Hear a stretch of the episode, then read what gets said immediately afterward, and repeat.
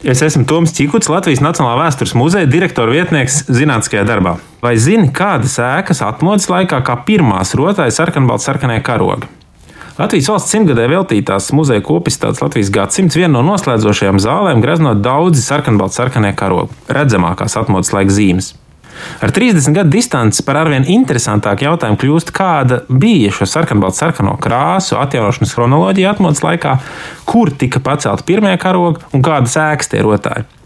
Pirmoreiz okupācijas varas apstākļos sarkanbalts sarkanos karogus uz īsāku vai ilgāku brīdi publiskajos pasākumos pacēla 88. gada vasarā. Tā Helsinkiešu grupa 1988. gada 14. jūnija mītīņa laikā devās ar karogu pie brīvības pieminiekļa. Šis pirmais karoks saglabās Latvijas Nacionālajā vēstures muzejā. Dažas nedēļas vēlāk, pa kādam sarkanbaltu sarkanajam karogam varēja redzēt arī festivālā Baltika 88. Viens no tiem - Jēkabpils folkloras kops Kliņš Rīgas sporta pilī koncertā ienestais karoks arī saglabāts un redzams izstādē Latvijas gadsimts. Pēc tam, kad 88. gada 29. septembrī LPSR augstākā padome atļāva publiskos pasākumos karogu lietot kā nacionālu simbolu, un 8.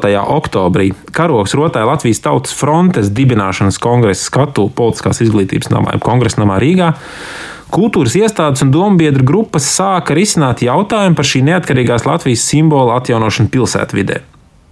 Taču kā panākt, lai sarkanbalts sarkanais karoks pastāvīgi plīvotu mastos visā Latvijā, ja mazpilsēta augstākās un reprezentatīvākās ēkas bieži bija komunistiskās partijas komiteja un izpildu komiteja modernās dzelzbetona ēkas? Tātad jāmeklē citas labi pamanāmas, reprezentatīvas publiskās celtnes. Un te pretīm nākošākie izrādījās kultūras ļaudis. Tā 1988. gada 22. oktobrī sarkanbalts sarkanais karoks sāka plīvot cēsu jaunās pilstornī. Tātad virs muzeja ēkas, kur tas tika pacelts pēc Tautas frontes cēsu nodaļas valdes iniciatīvas. Oktobrī radās iniciatīva karogu atjaunot arī Rīgas pilsētas svētā gara turnī. Šim mērķim izveidojās neformāla tā sauktā karoga grupa sadarbībā ar Latvijas Tautas fronti un Latvijas vēstures muzeju. Karoks virs Rīgas, tātad virs Rīgas pilsētas, tika pacelts 88. gada 11. novembra pēcpusdienā. Starp citu, tā paša gada 11. novembrī karoks tika pacelts vēl virs kādas pilsētas, Siguldas jaunās pilsētas turnī. Trim pilīm drīz sekoja citas kultūras ēkas.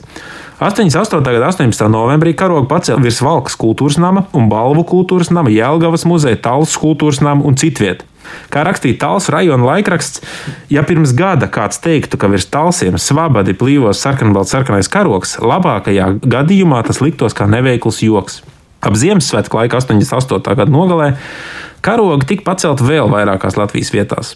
24. decembrī virs Gulbens rajona centrālās bibliotekas pie pastēkas Ludzā un neparastāk vieta sarkanbalta sarkanā karoga mastam bija izvēlēta saldu, kur to 88. gada 23. decembrī pacēla virs slimnīcas jaunā korpusa.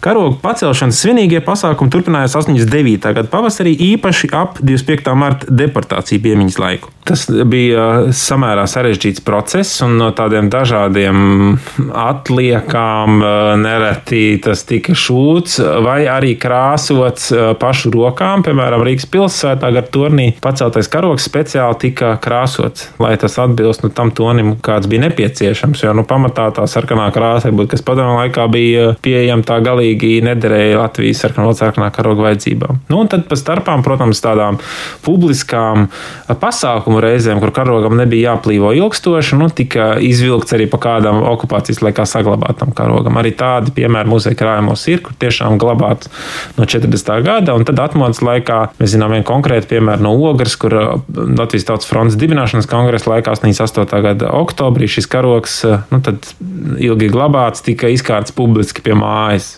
Jauns karogu pacelšanas vilnis virs publiskajām ēkām sekoja pēc 1990. gada 15. februāra Latvijas PSR augstākās padomas lēmuma, kad vēl pirms valstiskās neatkarības atjaunošanas paradoxālā kārtā tika atjaunot neatkarīgās Latvijas republikas simbolu.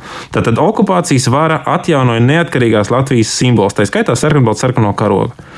Tuvākajās dienās pēc 15. februāra sarkanabēlta sarkanie karogi ar dažiem izņēmumiem visā Latvijā tika pacelt arī virs dažādām varas iestāžu ēkām.